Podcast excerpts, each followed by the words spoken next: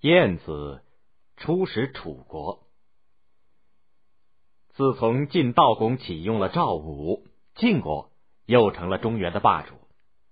到了他儿子晋平公的时候，就慢慢的又衰落下去了。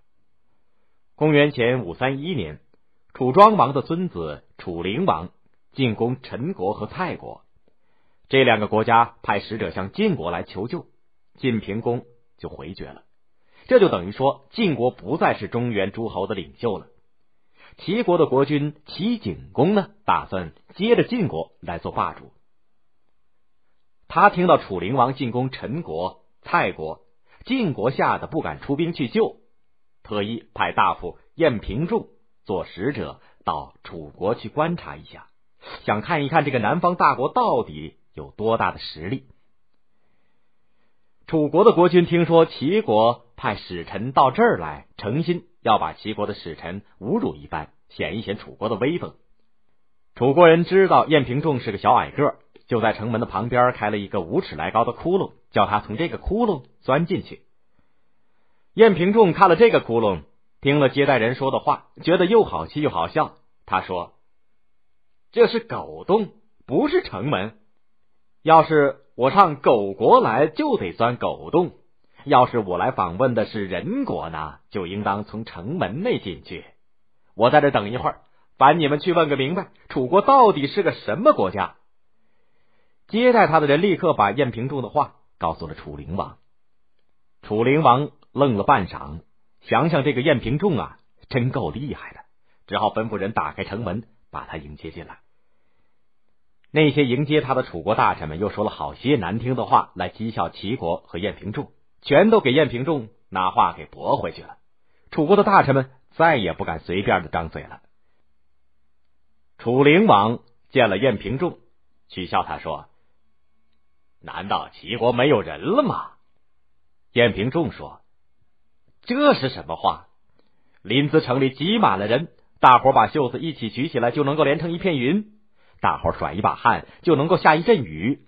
走路的人呐，肩膀挨着肩膀，在后走的人的脚尖能够碰到前面人的脚跟儿。大王怎么能说齐国没有人呢？”楚灵王就说：“那么为什么打发你来呢？”燕平仲打着哈哈说。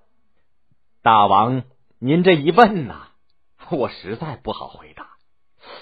撒个谎吧，又怕犯了欺君之罪；说实话吧，又怕大王生气。大王，您说该怎么办呢？楚灵王说：“实话实说，只说无妨，我不生气。”燕平仲拱了拱手说：“敝国派出使者有个规矩，访问国的君主贤德呢。”就派上等人去，访问国的国君不贤德，就派下等人去。我最不好，就只配派到这儿来了。说着，他又故意笑了笑。楚灵王听得哭笑不得，心想：燕平仲这张嘴真像刀子似的，也只好陪着笑。到了请客人们吃饭的时候，楚灵王事先安排好了武士，拉着一个囚犯从堂下走过去。楚灵王故意问他们。那个囚犯犯了什么罪？哪儿的人？武士回答说：“是个小偷，齐国人。”楚灵王笑嘻嘻的跟晏平仲说：“齐国人怎么这么没出息，做这路事儿？”在场的楚国大臣们得意洋洋的笑了起来。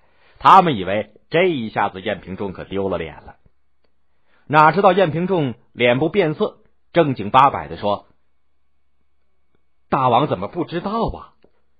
淮南的柑橘又大又甜，可这种柑橘一到了淮北就变成了又小又苦的枳。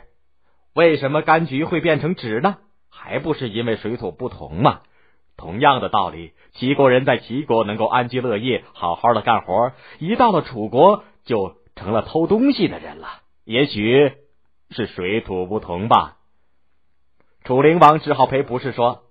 我原来想取笑大夫，没想到反倒给大夫取笑了，是我不好，呃请别见怪。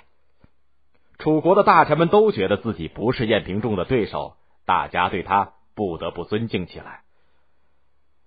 晏平仲使楚回来，对齐景公说：“楚国虽说城墙坚固，兵马强盛，可是君主狂妄自大，文武大臣当中没有了不起的人才，咱们没有什么怕他们的地方。主公只要整顿内政，爱护百姓，提拔有才干的人，远离小人，齐国就能够强盛起来。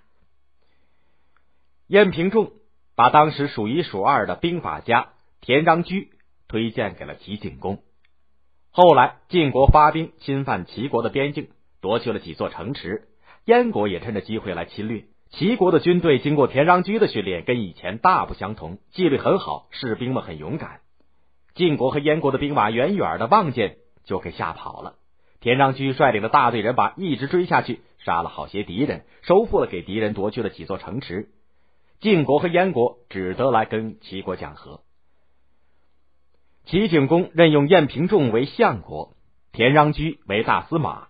那么大司马呢，是管军政的要员。中原的诸侯知道了以后，不由得都对齐国另眼相看。晋国的名声和势力反倒不如齐国了。